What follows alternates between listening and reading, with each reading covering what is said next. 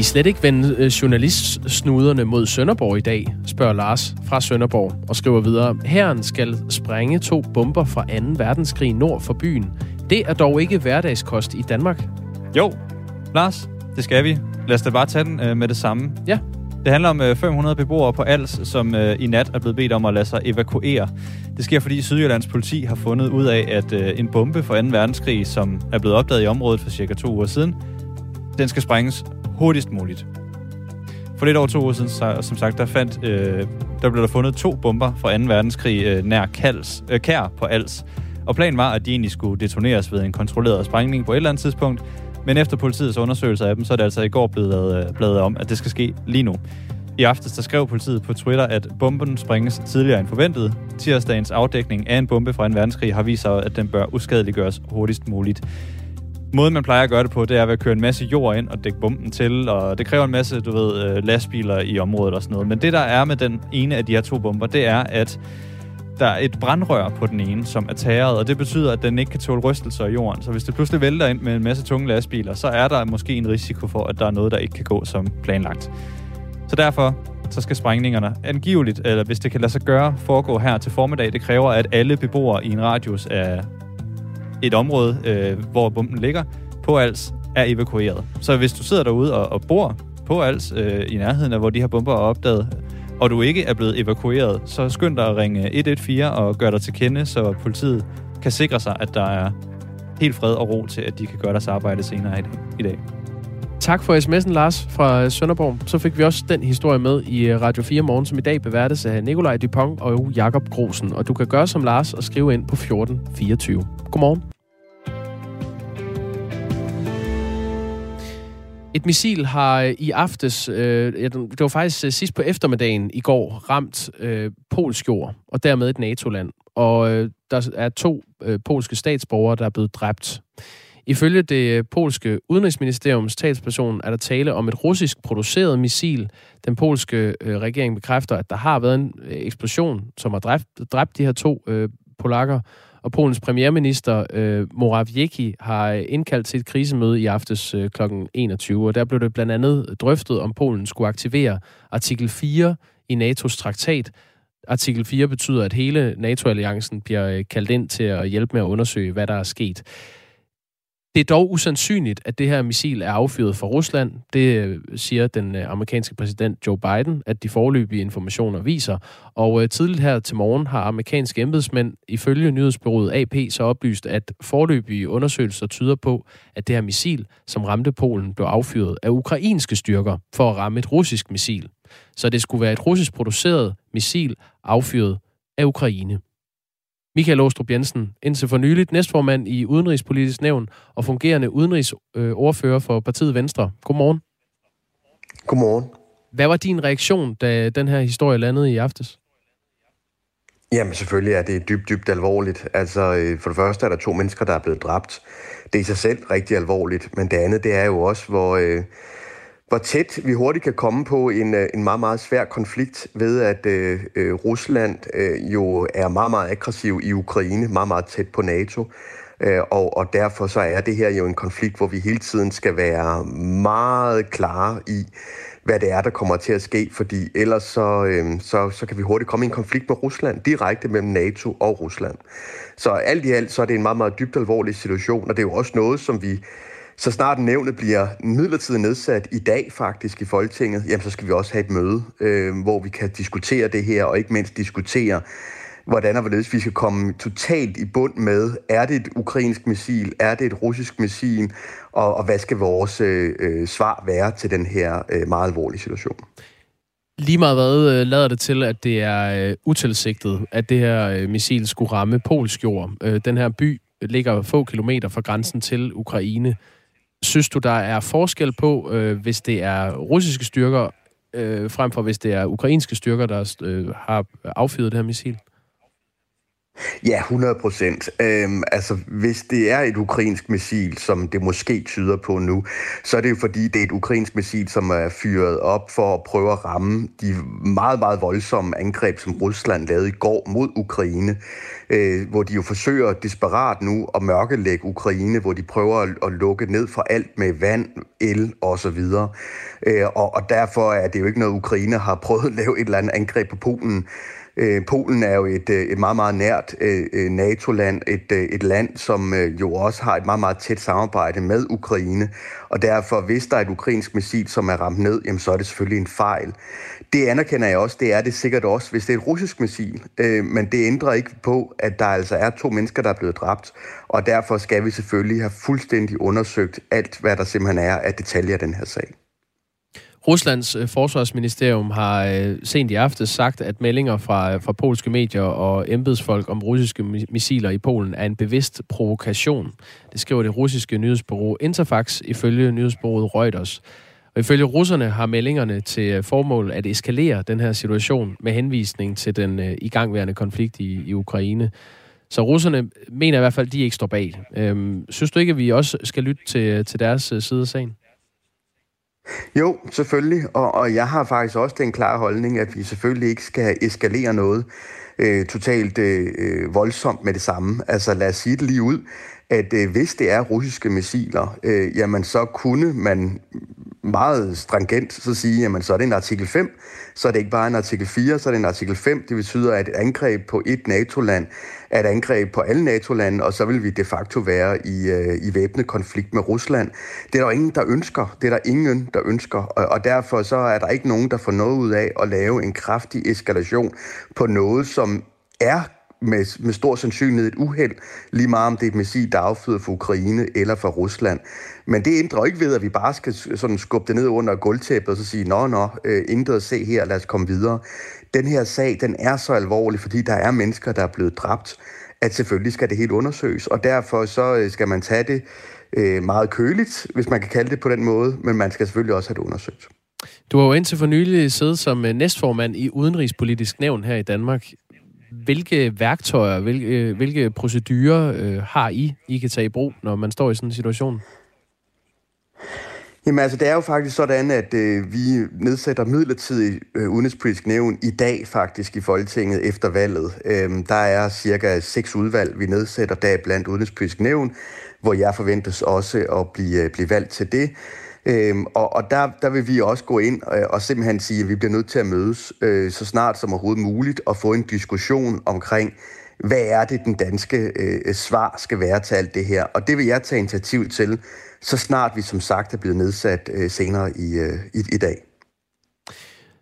Vores lytter Jonas øh, stiller et spørgsmål på sms'en. Det øh, kan man gøre, når man øh, hører Radio 4 morgen på 1424. Øh, Michael Åstrup Jensen. Jonas skriver, hvis Ukraine bruger russiske missiler, hvad gør så, at de ikke vil gøre det igen, eller har gjort det før, for at give russerne skylden? Jeg hader krig, og tak for et godt program. Øhm, ligger der en eller anden øh, bagtanke i at bruge øh, russisk øh, udstyr, hvis det nu er et, et øh, missil, der er affyret fra Ukraine? Eller er det simpelthen bare, fordi de har en masse russisk grej? Det er simpelthen fordi, de har en masse russisk grej. Øhm, de har øh, stadigvæk en masse russisk grej fra, fra gammel tid, men dernæst så har de også fået noget øh, russisk grej fra øh, andre NATO-lande, som også havde det på deres øh, lager. Jeg forstår godt pointen med, med spørgsmålet, øh, og, og derfor er det jo også vigtigt for mig, at øh, vi selvfølgelig ikke bare skal løbe ud og så råbe brand, brand, og så straks eskalere situationen. Men jeg understreger, at Ukraine vil heller ikke have noget ud af, øh, at der kommer en væbnet konflikt mellem NATO og Rusland.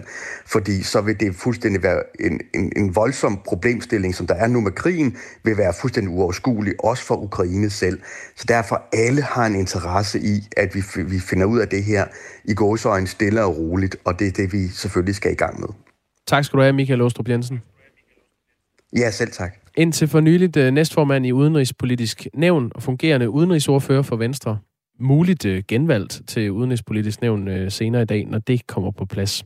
Udenrigsminister Jeppe Kofod fra Socialdemokratiet skrev på Twitter i aftes, Stærkt bekymrende oplysninger, vi får fra Polen. Mine tanker er med det polske folk. Vi er i tæt kontakt med Polen og vores øvrige allierede i NATO. Vi ved endnu ikke præcist, hvad der er sket på jorden. Det vil vi at afklare sammen med vores allierede. Øh, vi har forsøgt at få et interview med øh, Jeppe Kofod, fungerende udenrigsminister, men han har desværre ikke mulighed for at stille op til interview her til morgen, som øh, det bliver udtrykt af Socialdemokratiets pressevagt og Udenrigsministeriet. Kvart over otte er klokken. Du kan skrive ind på 1424. Det har Ulrik Detlef Hundfjord Jørgensen fra Nordfyn gjort. Jeg er ikke meget for at melde det ud, men jeg håber lidt, at det er ukrainske missiler, der er tale om. Fordi ellers, så tror jeg godt, vi kan gå i kælderen alle sammen og sætte Bovis dåsemad over campingplusset. Ja. Uanset hvad, lad os ikke håbe, at det øh, kommer dertil. Godt, tak for sms'erne. Donald Trump vil være præsident igen i 2024. Han stiller i hvert fald op som kandidat for republikanerne. Det fortalte han foran en masse fans i Florida i natten til i dag. In order to make America great and glorious again, I am tonight announcing my candidacy for President of the United States.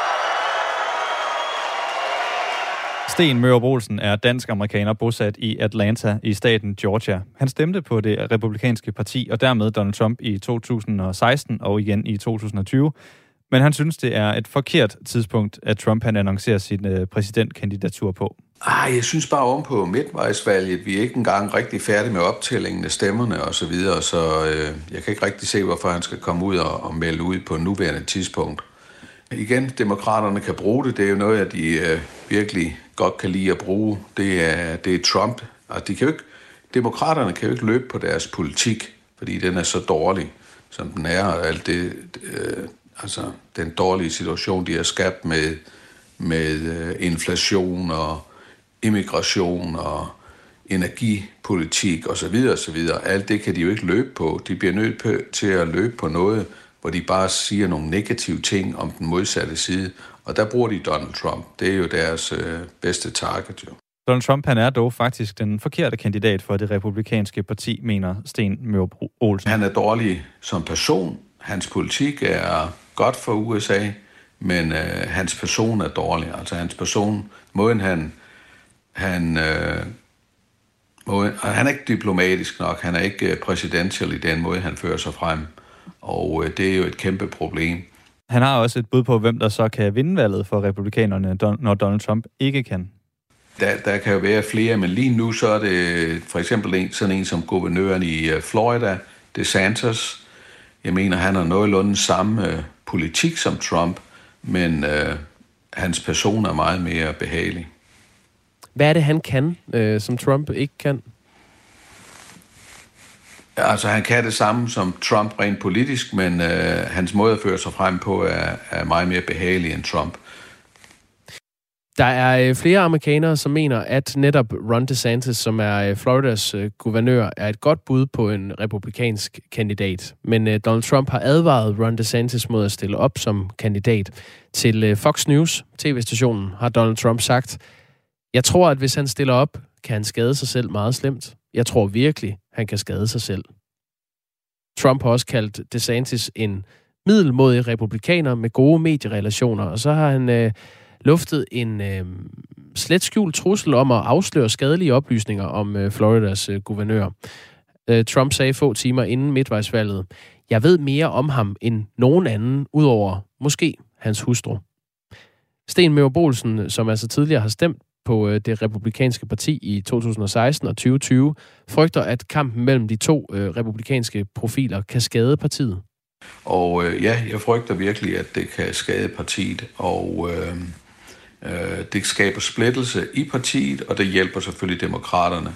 I værste tilfælde, og igen, det er ikke noget, jeg har hørt meget om, men øh, hvis for eksempel DeSantis han bliver valgt som øh, republikansk, øh, eller øh, kandidat for republikanerne, det skulle ikke undre mig, om Trump måske stillede op øh, som selvstændig.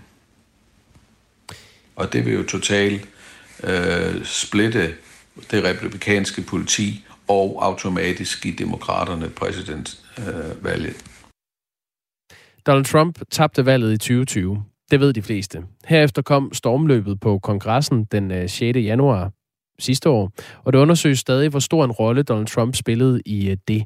Samtidig bliver han også undersøgt lige nu af FBI, fordi han angiveligt har øh, stjålet højt klassificerede øh, dokumenter fra præsidentkontoret i det Hvide Hus og medbragt dem til øh, sit private hjem i Florida. Ifølge Sten Mørup Olsen, så har Trump skadet det republikanske parti som person. Som person har haft en dårlig indflydelse på det republikanske politi, men han har lagt en god politik, som vi, øh, som øh, vi vil være godt, hvis republikanerne følger den. Men øh, personligt, der har han øh, skadet partiet. Og igen, Trump har jo været under investigation fra det tidspunkt, hvor han øh, faktisk øh, sagde, at han ville øh, prøve at blive præsident af USA. Og der har demokraterne jo kørt den ene, altså den ene retssag efter den anden, og impeachment, og to gange er prøvet at blive impeached, og så videre, og så videre. Mm. Så der er jo ikke noget nyt i, at, at de går efter ham. Jeg prøver altid at holde snoren, øh, øh, snuden lige i, øh, i sporet, når vi øh, laver mm. journalistik her på Radio 4. Vi har fået en sms fra, øh, fra Steve, jeg lige øh, synes, vi skal tage. Trump-bashing. Øh, og er der intet om Hunter Biden? Propagandistisk radio som sædvanligt. Hører jeg kun tale dårligt om Donald Trump, og aldrig om de gode ting, han opnåede på bare fire år. Man ved efterhånden på forhånd, hvad I vil sige, når Trump nævnes, skriver Steve. Tak for sms'en, Steve. Jeg tager den, fordi den er et udtryk for øh, noget, der sker, og det sker kun, når man taler om henholdsvis Donald Trump eller Joe Biden. Man skal næsten kun sige navnene på de to personer, så begynder sms'erne at komme ind fra, øh, fra få øh, af vores øh, kære lyttere, som altså mener, at vi har en, øh, en øh, bias, når vi taler om, øh, om de her mennesker. Og i det her tilfælde har vi jo sådan set lavet et interview med en øh, republikansk vælger, Sten Mørup Olsen, og øh, så hørt, hvad han har at sige til, at Donald Trump stiller op igen. Så jeg synes bare, at øh, nogle gange skal man måske også holde sin egen bias øh, lidt øh, hos sig selv, og så lige lytte, hvad der bliver sagt. Tak for sms'en. Klokken er øh, 21 minutter over 8. På en dag, som øh, står på skuldrene af et øh, missil, som har ramt polsk jord, og dermed NATO-land, og angiveligt dræbt to polske øh, borgere. Missilet er øh, angiveligt et øh, rus- ukrainsk affyret missil, men øh, med et øh, russisk label på, fordi at øh, Ukraine råder over missiler produceret i øh, Rusland. Det er en sag, der udvikler, udvikler sig lidt øh, i løbet her af, af natten og her til morgen, og formentlig også kommer til at udvikle sig i løbet af dagen. Derfor prøver vi ligesom at gøre status nu, og det gør vi sammen med øh, Christian Lindhardt. Godmorgen. Godmorgen. Major og militæranalytiker ved Institut for Strategi og Krigsstudier ved Forsvarsakademiet. Nu er Polen altså blevet øh, ramt af det her missil, som som det ser ud nu, er, øh, er, er ukrainsk oprindelse i hvert fald affyret, og så ved en fejl har ramt øh, Polen. Hvor meget kan man sige ud fra øh, med, med dine militærbriller, at et missil, der rammer forbi, og så rammer et eller andet civilt sted i, i Polen, hvor alvorligt er det? Jamen, altså det, at der falder øh, et eller andet form for missil, næsten uanset hvad, ned inde i øh, Polen, som jo ikke er en del af de krigsførende parter her, det er jo under alle omstændigheder øh, alvorligt. Men, men det er klart, afhængig af hvem der gør det, og hvad motivet var for at gøre det, så, øh, så bliver det så mere eller mindre alvorligt. Hvis vi starter med at sige, at det højst sandsynligt var en, en fejltagelse, så, øh, så behøves det jo ikke føre til nogen form for eskalation, fordi så kan hvem der nu end lavede den fejl, Rusland eller Ukraine, de kan jo så sige undskyld, undskyld, undskyld, undskyld. Det mente vi ikke, det var en fejl, der var noget galt med GPS'en eller andet. Og så behøves det ikke føre til nogen form for eskalation. Hvis det viser sig, at det var provokeret, jamen så betyder det jo lidt noget andet, fordi så vil Polen jo selvfølgelig sige, øh, det går ikke det her, at der er nogen, der har øh, fyret missiler ind øh, med vilje ind på vores jord, og det, det kan vi ikke have. Det er øh, som sagt noget, der, der udvikler sig lidt løbende, og det her øh, besøg af dig, Christian Lindhardt, det er også noget, hvor vi har smidt den ud til, til vores lyttere, som kan skrive ind med spørgsmål mm. til dig. 1424 er nummeret, øh, du skal skrive ind til, hvis du har en besked. Og jeg vil gerne læse en besked op, som øh, Jonas har sendt ind. Øh, vi taler også om den før. Han skriver, hvis Ukraine bruger russiske missiler, hvad gør så, at de ikke vil gøre det igen, eller har gjort det før, og så vil give russerne skylden? Og så skriver han jo, at han, han hader krig. Altså, er det et realistisk scenarie, at, at Rusland eller at Ukraine brug, udnytter, at det er russiske missiler, de har, og så bevidst laver de her false flag, altså angriber deres egne, for at forklæde det som et russisk angreb? Nej, der er ikke, øh, vi må ikke, øh, der er ingen heldig kør her, øh, og begge de krigende parter øh, gør, hvad de overhovedet kan for at vinde selv den mindste fordel.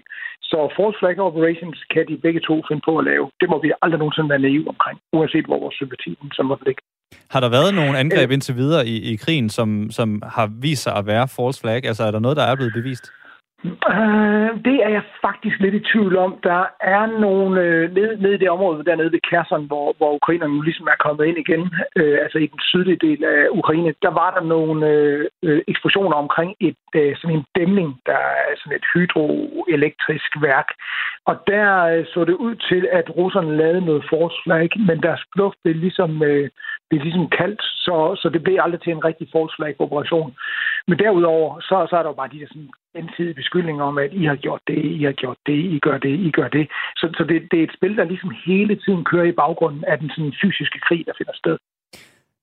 Vores, øh, vores lytter Ulrik Detlef Hundfjord Jørgensen, han skriver også ind fra Nordfyn. Han er, han er ikke meget for at melde ud, men han håber lidt, at det er et ukrainsk missil, der taler om. Fordi hvis det ikke er, så kan vi alle sammen godt gå i kælderen med det samme og sætte Bouvet dåse med over. Altså underforstået, at hvis Rusland har gjort det her, så eskalerer konflikten fuldstændig.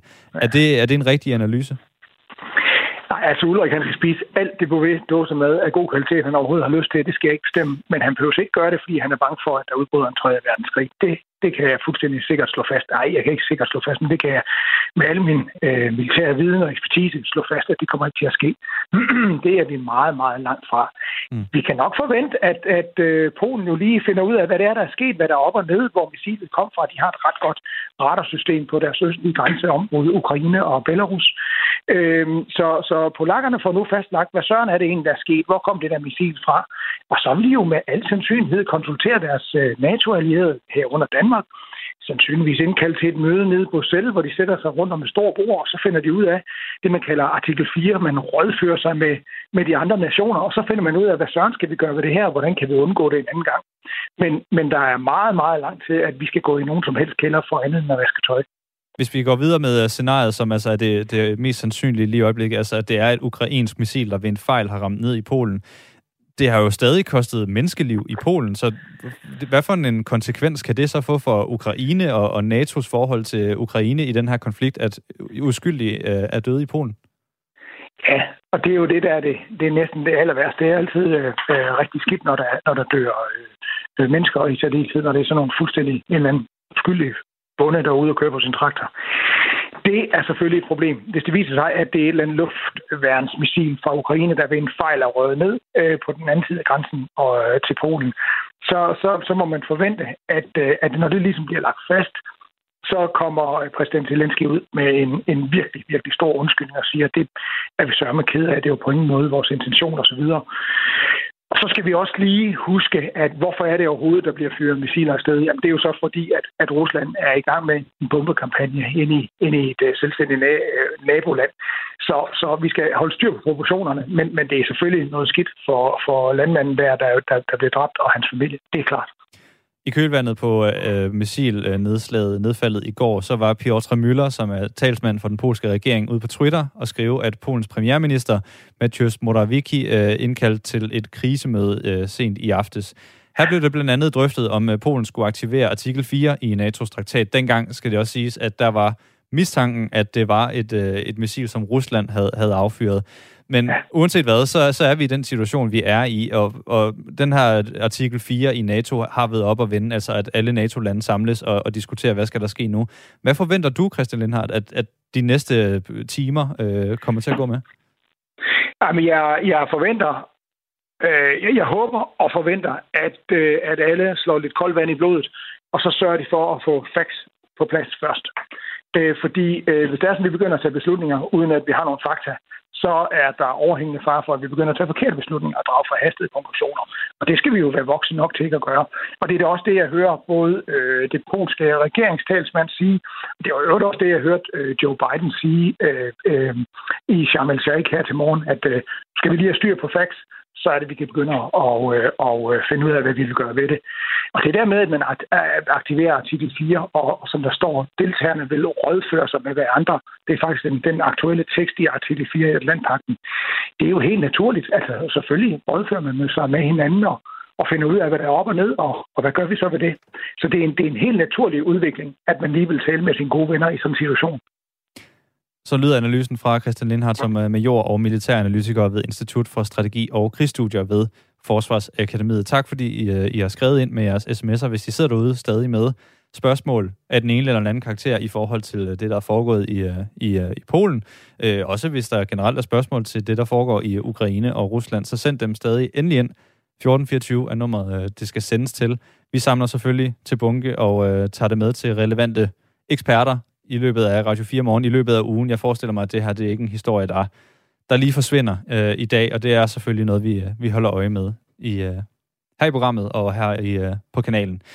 Nu skal du få en øh, gang nyheder i din radio med Signe Ribergaard Rasmussen. Klokken er halv ni.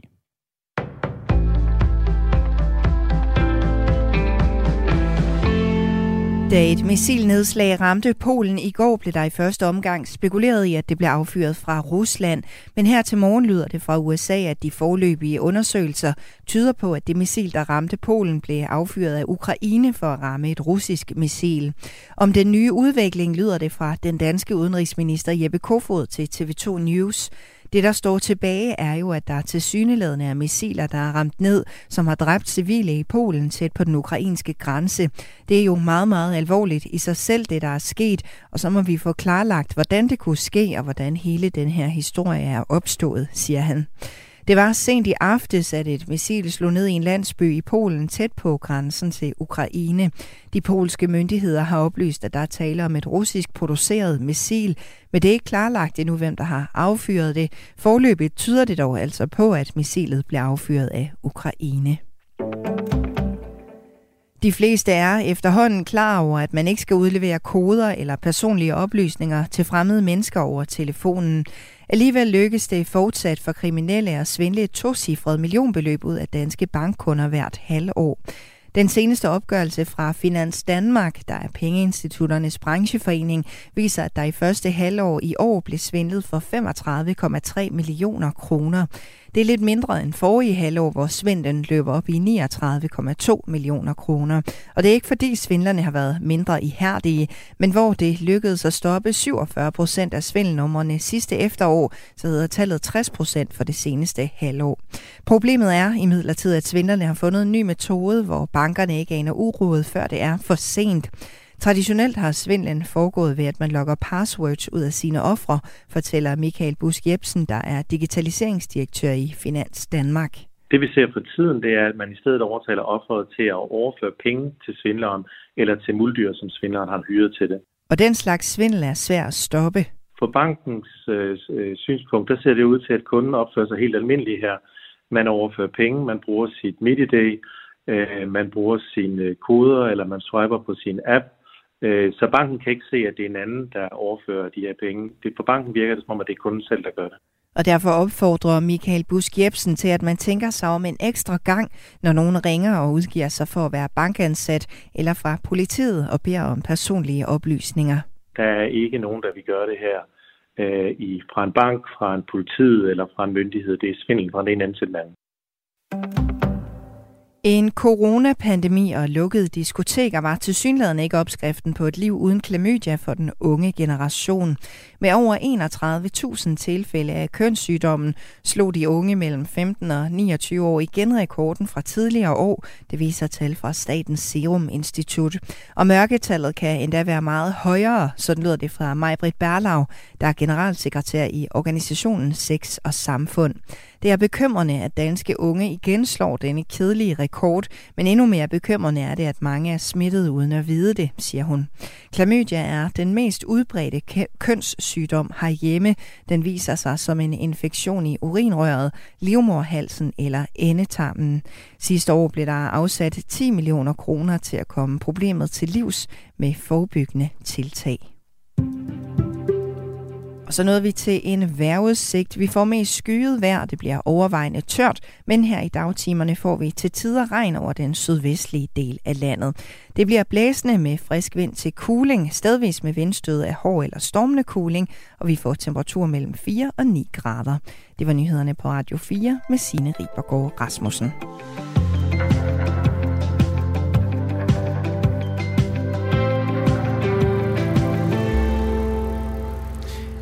Godmorgen. Hvis du lige har tændt for din radio, skal du vide, at du lytter til Radio 4 morgen, hvis du ikke vidste det i forvejen. Og det er Nikolaj Dupont og Jakob Grosen, der laver morgenradio til dig i dag, øh, hvor det har handlet en del om øh, den her øh, missil, der slog ned i Polen i går, lige i en lille landsby på øh, et par kilometer fra, fra grænsen til øh, Ukraine. Og øh, hvad der er op og ned i sagen er stadigvæk øh, lidt uklart, men det, der er forlydende om, er, at det skulle være et missil, som er affyret af ukrainske styrker. Det skulle være et russisk produceret missil, øhm, og to øh, polske statsborgere er altså blevet dræbt ved den her hændelse. Og det er noget, der bliver diskuteret på allerhøjeste niveau lige nu, øh, storpolitisk. Yes. Øhm, du kan skrive ind, hvis du har øh, holdninger til det, eller hvis du har øh, spørgsmål til det. Øh, Stefan øh, Laustsen har skrevet ind på 1424. Det, at hverken Ukraine eller Rusland tager ansvar for det nedfaldende missil i Polen, kan vel godt tolkes som et hint om, at missilet er affyret af Rusland, ikke? Ukraine kunne vel rimelig frit melde ud, hvis de havde begået en fejl. Det er jeg ikke sikker på, at du skal være så sikker på, øh, Stefan Lausen. Nej, øhm, det, er en, det er en så alvorlig fejl, forestiller jeg mig også, at det er måske ikke der, man, man stikker lappen i vejret til at starte med. Nej, og guderne skal vide, at man ikke skal stole på øh, alt, der kommer hverken fra ukrainsk eller russisk side. Øh, men russerne har været ude at sige, at det ikke har noget med dem at gøre, det her missil. Godt. 25 minutter i øh, 9 er klokken. Og vi skal til en meget mere munter historie, fordi i aften, der kan de danske håndboldkvinder spille sig ualmindeligt tæt på at indkassere sig det første sæt EM-medaljer i 18 år. Danmark begyndte ellers rimelig med at sætte kniven for egen strube ved at tabe åbningskampen mod værterne fra Slovenien. Men siden da, så har håndboldkvinderne gjort ren bord, og i aften kl. halv ni, så gælder det guldfavoritterne fra Norge. Godmorgen, Thomas Møller Christensen. Godmorgen. Sportsredaktør hos Jyllandsposten og avisens udsendte medarbejder. Du har fulgt det danske kvindelandshold under hele slutrunden og befinder dig lige nu i Slovenien, hvor der altså skal spilles kamp i aften. Hvordan har de danske kvinder håndteret alle de kampe, du har været vidne til indtil videre? Jo, men altså, du opsummerer det meget godt. De øh, lagde ud med at dumme sig gevaldigt mod Slovenien. Og øh, så, så har de faktisk skulle vinde alle øh, de, de sidste fire kampe for, for at have den her øh, afgørende kamp mod Norge. Det har de gjort. Øh, det har været svingende undervejs. Flotte første halvleg efterfulgt af noget rod i anden, men altså, de har vundet og, øh, og har nu den her afgørende kamp i aften. Sidst Danmarks øh, håndboldkvinder fik øh, medaljer til en EM-slutrunde, det var i 2004, altså 18 år siden. Der blev det til et sæt af sølv. Hvis Danmark skal være lige så sikker på en semifinalplads ved dette års EM, og dermed altså fine chancer for øh, metal på den ene eller den anden art, så kræver det, at man som minimum ikke taber til nordmændene. Hvis det bliver til nederlag, så skal resultaterne for Slovenien og især Sverige gerne flaske sig, flaske sig til dansk fordel. Norges håndboldkvinder har øh, Danmark imidlertid altså ikke vundet over i en betydende kamp siden 2014. Er det, øh, er det med ryggen mod muren, eller har vi en reel chance i, i aften for at slå Norge? Det er både og. Fordi øh, Norge er klar favoritter. Altså som du selv siger, det er lang tid siden, vi har slået Norge. Vi havde nogle gode chancer i, i optagsturneringerne øh, inden øh, ført i begge kampe, men tabte alligevel, og det har Norge en, en, øh, en uheldig vane med mod os øh, og mod andre, alle andre lande, men det kender sig jo også et godt hold, at man øh, godt kan bøvle rundt og spille en skidt kamp, men så alligevel vinde til sidst. Øh, men altså, Danmark står bedre, end de nogensinde har gjort, øh, inden, hvis vi kigger tilbage på de sidste øh, mange år, fordi vi, Danmark er blevet bedre. Norge er også faldet lidt i niveau, fordi de mangler mange spillere. Så Danmark har helt klart en, en chance i aften. Er Norge Danmarks øh, kryptonit, eller altså, er der, er der bare nogle parametre, hvor de indtil videre har været bedre end de danske spillere? Ja, og især det mentale. Altså Danmark har, øh, har som jeg nævnte, mange gange ført, både med 4, 5 og 6 mål. Øh, men, men så har man ramt en, en død periode og måske øh, lavet Norge score 3-4 mål, og så, så er det ligesom smuldret, kunne man se, både mentalt og, og spillemæssigt, fordi man ved, så, øh, så har man reelt tabt kampen. Så Norge har noget, og Norge har et, et specielt øh, navn i, i, den, i, i kvindehåndbold. Der er kun dem og Frankrig, som ligesom skiller sig ud, og, og Norge er dem, som alle hader at møde. Men øh, omvendt er det fedt. Altså, jeg, jeg er glad. Altså, selvfølgelig havde det været federe, hvis det havde været en finale, men, men jeg tænker også for hele det her projekt, som, som dansk kvindehåndbold er inde i i forhold til at nærme sig den absolute verdenstop igen, så, så er det fedt at få den her. Altså, det havde været værre, hvis man havde øh, spillet kampen uden, uden noget på spil. Nu får man virkelig testet, hvor man er og hvad man kan. Og hvis man vinder, jamen så, så har man, som du siger, så, så, så, øh, så, så behøver man ikke længere være bange for noget. Hvor øh, altså, rangerer den her kamp rent øh, prestigemæssigt? Altså er det et moralske finale, øh, set med danske briller mod Norge, og så bliver det kun nemmere derfra, hvis man vi slår dem? Nej, altså ja, altså som du, som du også, det, det er et indviklet system, som du også lagde op, lagde op til, fordi øh, 15-30 spiller øh, Slovenien, og hvis de mister point, så, så er Danmark reelt øh, videre, uden, at, uden selv at have point mod, øh, mod Norge. Men, men Danmark vil også gerne, hvis man tillader sig lidt, lidt, at være lidt luksustænkende, så vil man også gerne undgå Frankrig i semifinalen, som øh, Frankrig vinder den anden mellemrunde pulje. Så derfor skal Danmark helst vinde fordi så slutter de nummer et i puljen, og så slipper de for, for Frankrig i øh, semifinalen. Så, så derfor øh, er det ikke plain sailing derfra, fordi Frankrig øh, er også hvad hedder det, et hold, der vil slå Danmark flest gange, hvis de mødes, mødes 10 gange. Så, så det, lad os bare sige, det, det, er første, det er første mur, der, der væltes. Det er måske også den største af dem, men, men så er der et par mure derefter frem, frem mod medaljer. Det kræver jo også, at øh, de danske spillere så øh, præsterer nærmest over niveau, for, øh, i hvert fald på, på topniveau, for at slå Norge. Hvilke danske profiler mener du, at vi skal holde øje med i en kamp som den i aften?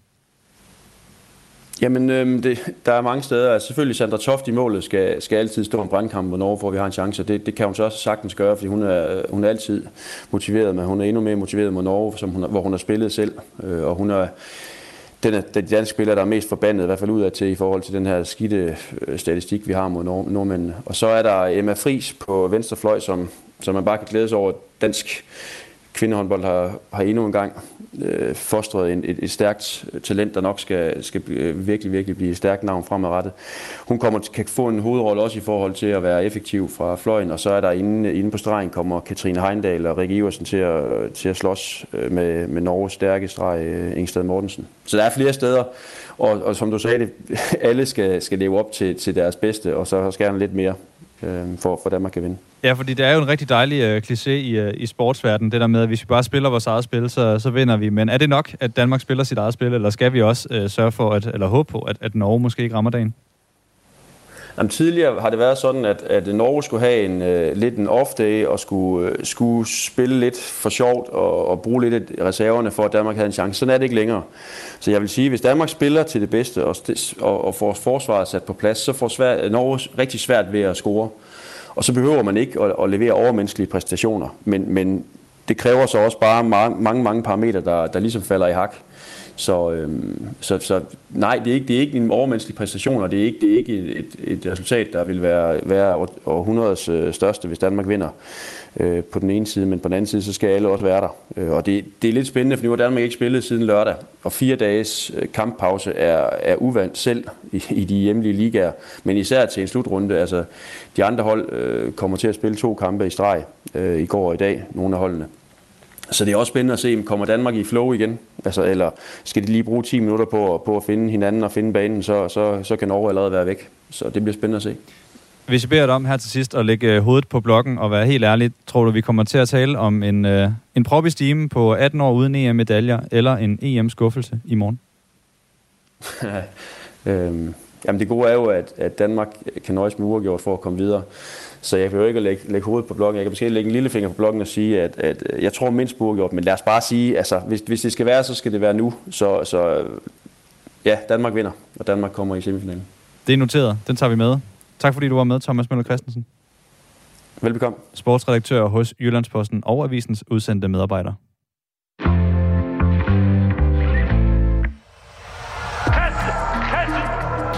De blev født ud af kaos. og Men blev den største politiske bevægelse i nyere tid. Og navnet, det er Dansk Folkeparti. En succes bygget på ekstrem topstyring. Jeg vil have Martin ud af Christiansborg. Jeg vil ikke finde mig i det der mere. Få hele historien om Dansk Folkeparti i podcasten Storhed og Fald. Du finder alle afsnit i Radio 4's app. Radio 4 taler med Danmark. I går øh, omkring klokken 4 øh, ramte et missil en polsk landsby, som ligger få kilometer fra grænsen til øh, Ukraine, og har dræbt to polske statsborgere. Meget er fortsat usikkert i forhold til de præcise hændelser, og hvorfor der pludselig øh, øh er et øh, missil, der rammer polsk jord. Men ifølge nyhedsbyrået øh, AP har amerikanske embedsmænd oplyst, at forløbige undersøgelser tyder på, at det her missil, som har ramt Polen, blev affyret af ukrainske styrker, og det var for at ramme russiske missiler. Og det mener Hans Peter Mikkelsen, som er selvstændig forsvarsanalytiker og tidligere militæranalytiker ved Center for Militære Studier på Københavns Universitet, lyder som en øh, plausibel forklaring. og det er nok ret sandsynligt, at øh, man har forsøgt at skyde end øh, nogle af de missiler ned, som øh, Rusland har sendt mod Ukraine i går. De lavede jo forholdsvis hæftige øh, missilangreb mange, mange steder i, i Ukraine. Også over i den vestlige del af Ukraine, over mod øh, byen øh, Lviv, som før har været øh, under angreb. Så, så det er nok øh, sandsynligt, at, at det, der er sket, man har forsøgt at skyde sådan et russisk missil ned, og så er der et øh, luftforsvarsmissil, der enten er gået ud af kurs, det har ikke ramt eller lignende. Og derfor tror øh, Hans Peter Mikkelsen altså også, der taler om en fejl normalt, hvis sådan et luftforsvarsmissil øh, ikke rammer sit mål, så vil øh, det enten detonere automatisk eller ned fra jorden, så vil man trykke på en, øh, en knap, og så detonerer man, fordi øh, ellers netop så er der nogle uskyldige mennesker, der får det i hovedet. Man kan sige, at hvis man detonerer, så kommer der også en masse små sprængstykker, men de er så, så små, at de formodentlig ikke vil lave den, den store skade. Så, der, der kan være, der er jo sket et eller andet øh, fejl af en eller anden slags øh, øh, teknisk eller menneskelig formodentlig. Da det kom frem i aftes, at der var sket en eksplosion i Polen fra et russisk missil, var der hurtigt tale om NATO's artikel 5. I den lyder blandt andet, at et væbnet angreb mod et eller flere af NATO's medlemslande skal betragtes som et angreb mod alle. Det er det, der også blev kaldt musketereden. Men lige nu ligner det altså mere og mere et uheld fra ukrainsk side, og ikke et russisk angreb. Men NATO vil stadig gerne blive øh, involveret i sådan en sag, forklarer Hans Peter Mikkelsen. Polen øh, vil jo beslutte, hvad der skal ske, og meget peger på, at de indkalder NATO til det, der hedder en artikel 4-drøftelse. Det er sådan en, hvis man ens øh, territoriale integritet eller sikkerhed er truet. Ikke? Også, og territorial integritet, det vil sige, at der er et eller andet, der er sket på et lands territorium, som øh, nogle andre lande har øh, står bagved. Og nu kan vi sige, at det er et uheld, men, men det vil være normalt. Så, så indkalder man sådan til konsultation og drøftelse i det, der hedder artikel 4, og siger, at der er sket sådan og sådan, sådan fremlægger de her beviser og sige, vi har oplysninger og sådan, og så drøfter man, hvad man så videre skal gøre. Så det er sådan meget, øh, kan vi sige, en, en blød reaktion. Vi drøfter lige med vores gode venner om, hvad skal der nu ske, og skal vi gøre noget særligt? Og så sker der formodentlig ikke øh, meget mere. Altså i alt peger på, at det her det er et, et øh, uheld, øh, noget der sker, når der er krig i nabolaget. Sådan lyder det fra den selvstændige militæranalytiker analytiker Hans Peter Mikkelsen. Og øh, EU-kommissionen har øh, netop meldt sig klar til at støtte en undersøgelse af det her missilnedslag i øh, Polen. EU-kommissionens formand Ursula von der Leyen tilbyder støtte til undersøgelsen af eksplosionen i Polen. Det siger hun i en video, som hun har delt på øh, Twitter her til morgen. Og dermed stiller EU-kommissionens formand sig bag Polen. Ligesom andre ledere ønsker hun altså flere oplysninger om årsagen til øh, det her missil nedslag, som har dræbt to personer.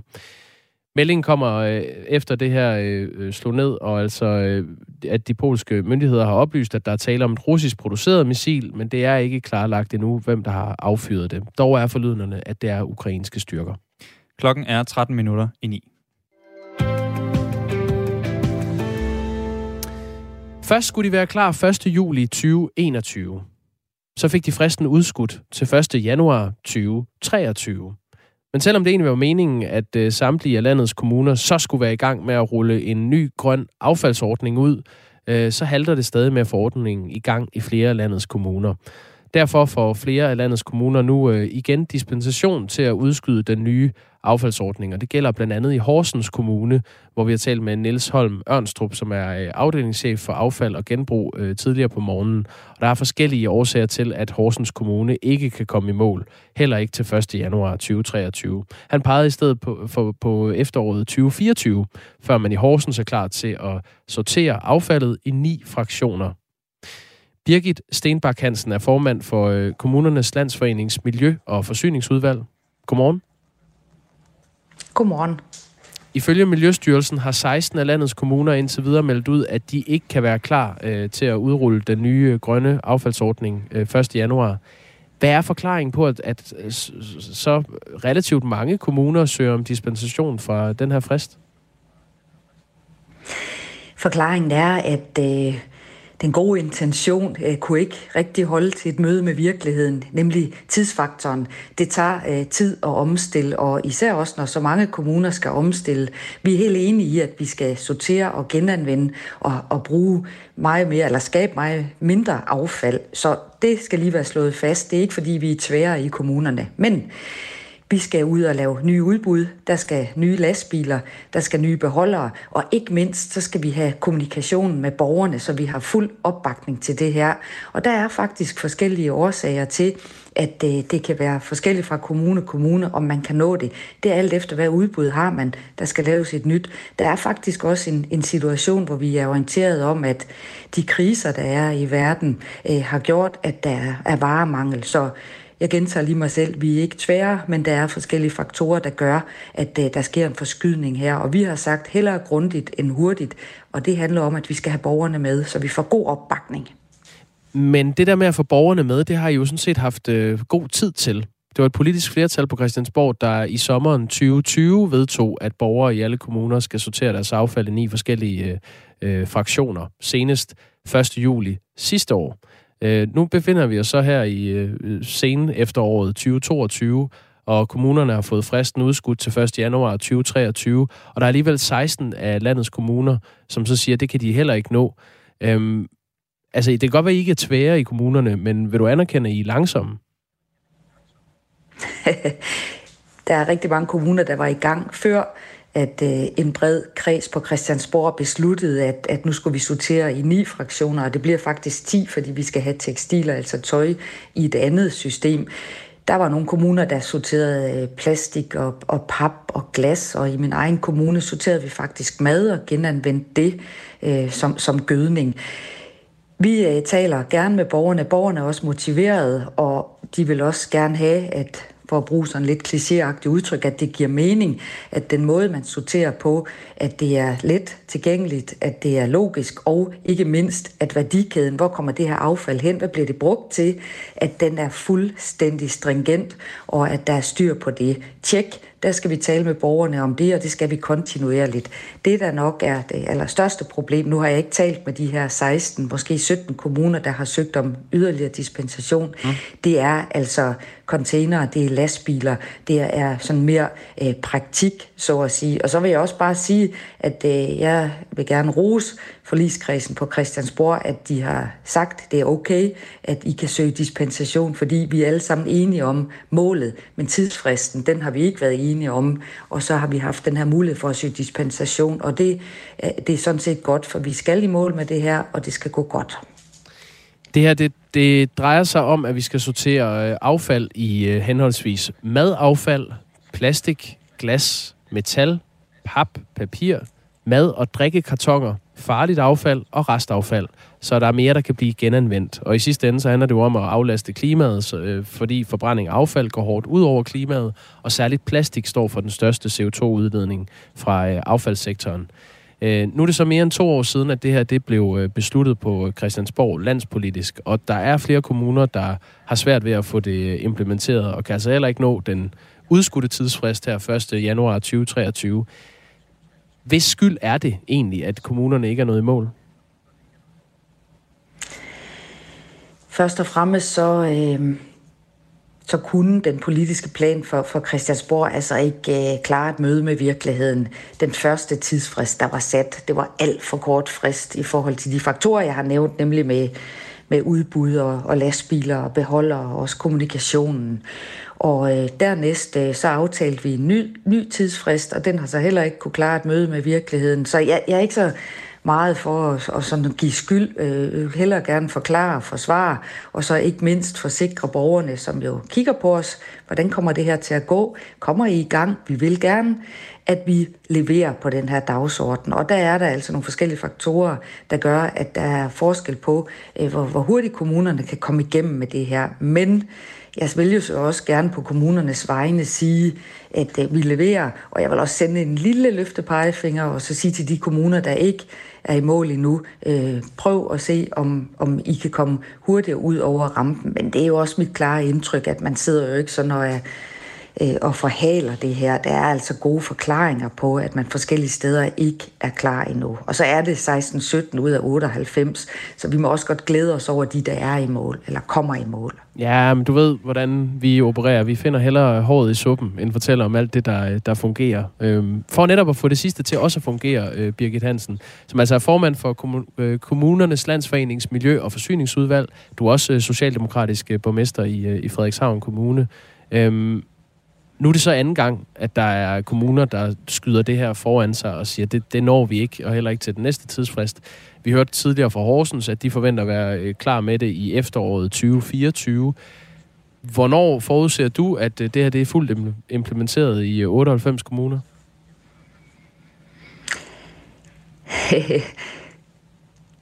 ja, jeg vil sige, at øh, vi har et møde, øh, KL's udvalg med formændene rundt i Danmark på de her områder. Øh, kommunerne, fordi det er også nogle forsyningsselskaber, affaldsselskaber osv., vi arbejder sammen med. Og der vil jeg selvfølgelig lige tage det op, og det er her i december, og så sige, at nu, nu, nu må vi prøve at se, om ikke vi kan få det her til at glide til den næste frist, nemlig 24, øh, som jeg er bekendt med, at nogen har fået. Men vi kan ikke holde for, hvis der er øh, leveringer, leverancer, der ikke kommer igennem grundet nogle andre faktorer rundt i Europa og så videre. Så jeg tør ikke sådan helt at lægge hovedet på blokken eller æde en stråhat. Det er der politikere før, der er kommet til at kvæles i mm. at skulle æde en stråhat. Så vi, øh, vi, vi kigger lige hinanden i øjnene, og så siger, øh, skal vi ikke se, om vi kan nå i mål her, og så se, om vi kan øh, presse de, der øh, mangler at levere. Tak skal du have, Birgit Stenbak Hansen. Selv tak. Formand for Kommunernes Landsforenings Miljø- og Forsyningsudvalg og Socialdemokratisk borgmester i Frederikshavn Kommune. Øhm, vi hører her, Birgit Hansen sige, at, at det, er, det var en urealistisk øh, tidsfrist, der var sat fra øh, det flertal, der besluttede det på Christiansborgs side i, øh, i sommeren 2020. Og vi har her fra øh, Radio 4 også ragt ud til fungerende Miljøminister Lea Wermelin fra Socialdemokratiet og Miljøordfører for Socialdemokratiet Mette Gerskov. Og der er ikke nogen af dem, der har ønsket at stille op, oplyser Socialdemokratiets pressetjeneste. Det er sjovt, den sætning har jeg sagt flere gange her til morgen. Ja, øh, det har du. Der var heller ikke der mulighed for at få et interview. Fire minutter i ni er klokken. Og Jacob, jeg tænkte, vi øh, lader slutte på en high note. En, øh, en lille quiz. Ja. Og det er faktisk lidt en, en low note øh, for dig, fordi jeg har en dårlig nyhed. Det, du er for sent på den, hvis du godt kunne tænke dig at købe Steve Jobs gamle sandaler. Ej, det, øh, det er ikke noget, der sådan fylder mig med skuffelse, skal jeg mærke. Jo, jo. Prøv et par udtrådte normkors-sandaler. Jeg har taget et par billede, et billede af dem med her. Det kan være, du lige kan beskrive, hvad det er for en slags sandal, vi kigger på her. Øh, først vil jeg lige sige Steve Jobs, øh, nu afdød. Grundlægger af Apple. Nemlig. Medstifter af Apple. Øh, gjorde det at gå med øh, sort forvasket rullekrav og et par forvasket blå jeans mm. til øh, cool. Mellemledersættet. Han blev simpelthen en form for øh, trendsetter på øh, det, den stil, der i dag går under navnet normcore. Øh, godt, de her sandaler, de ser, de ser godt nok øh, udtrådt ud. Det er Birkenstock, tror jeg. Mm-hmm. Øhm, altså sådan en øh, øh, brun ruskens sandal, som øh, de har i hvert fald set bedre dage. Det har de. Men de er altså lige blevet solgt på en auktion. Sandalerne her, det er ikke bare hvilke som helst Birkenstock-sandaler, som Steve Jobs ejet. Nej, nej. Det er to par sandaler, der var på fødderne af Steve Jobs, den dag han i 1976 stiftede, sammen med i øvrigt uh, sin, uh, sin partner Steve Wozniak, Apple. Der, der bar han denne sandal? Han bar denne sandal på begge sine fødder. Og uh, som de skriver, uh, auktionshuset skriver i opslaget i øvrigt, uh, sandalerne betegnes som uh, godt brugte, det, det kan vi siges. vist godt bekræfte. Og så skriver de, at uh, korken og sålen har beholdt Steve Jobs fodaftryk, som har plantet sig i skoen efter overvis og brug. Og det skal jeg altså helt at sige, de er, fordi de er fra uh, start 70'erne, og uh, han har jo så ejet dem hele vejen op til sin uh, alt for tidlige død i 2011. Og nu er de blevet solgt på, uh, på auktion, og jeg vil selvfølgelig høre, om du kan, om du har noget som helst uh, gæt på, hvad de er blevet solgt for. Jeg kan give dig lidt info. Mm-hmm. Sandalerne er som sagt blevet solgt på auktion. Det er Julians Auction, som det hedder, som stod bag øh, den auktion. De regnede med at kunne sælge øh, sandalerne til en pris på 428.000 kroner. Med sandalerne så følger en øh, medfølgende NFT, altså en slags patent, øh, som er noget moderne, man kan få. Men sandalerne blev altså solgt for øh, meget mere end det. De, de har været alt for dyre, de sandaler. De er gået til... Øh, er, vi, er vi over en million dollars? Øh, nej, det er kroner, vi snakker om her. Vi, Nå, vi er under en million øh, dollars. Okay, vi godt. over en million kroner. Jeg tror, over en million kroner, hvor er det sindssygt. Jamen, øh, der er en øh, glad køber, der har købt Steve Jobs gamle udtrådte Birkenstock for øh, 2,4 millioner. Det er tæt på. Og så alligevel 1.560.491 kroner får jeg det til, når jeg oversætter det fra amerikanske dollars. Så halvanden million kroner for et par udtrådte sandaler. Tillykke til ejeren. Det må man sige. En, der ikke er ramt af inflation, øh, krise og så videre. Præcis. Energikrisen har ikke ramt USA lige så hårdt. Øh, det er som sagt de sandaler, som Steve Jobs han bar, da han lavede Apple sammen med sin partner Steve Wozniak tilbage i Los Altos i øh, Kalifornien. Det er jo et bare en af mange ting, der er blevet udødeliggjort efter Steve Jobs døde af kraft i 2011. I 2013 blev det hus, hvor de lavede Steve, øh, hvad det, Apple, det var hans, der, hans forældres hus dengang. Det er blevet gjort til et øh, nationalt klenodie. Også nu.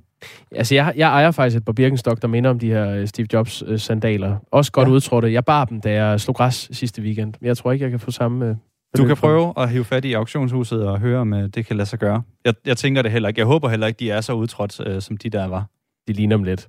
Øh, tak for den øh, historie fra en øh, skør, skør verden, Nikolaj Dupont. Og øh, jeg hedder Jakob Grosen. Det var det sidste, vi nåede her i Radio 4 morgen i dag. Ønsker dig en god dag. Der er ring til Radio 4 om 5 minutter.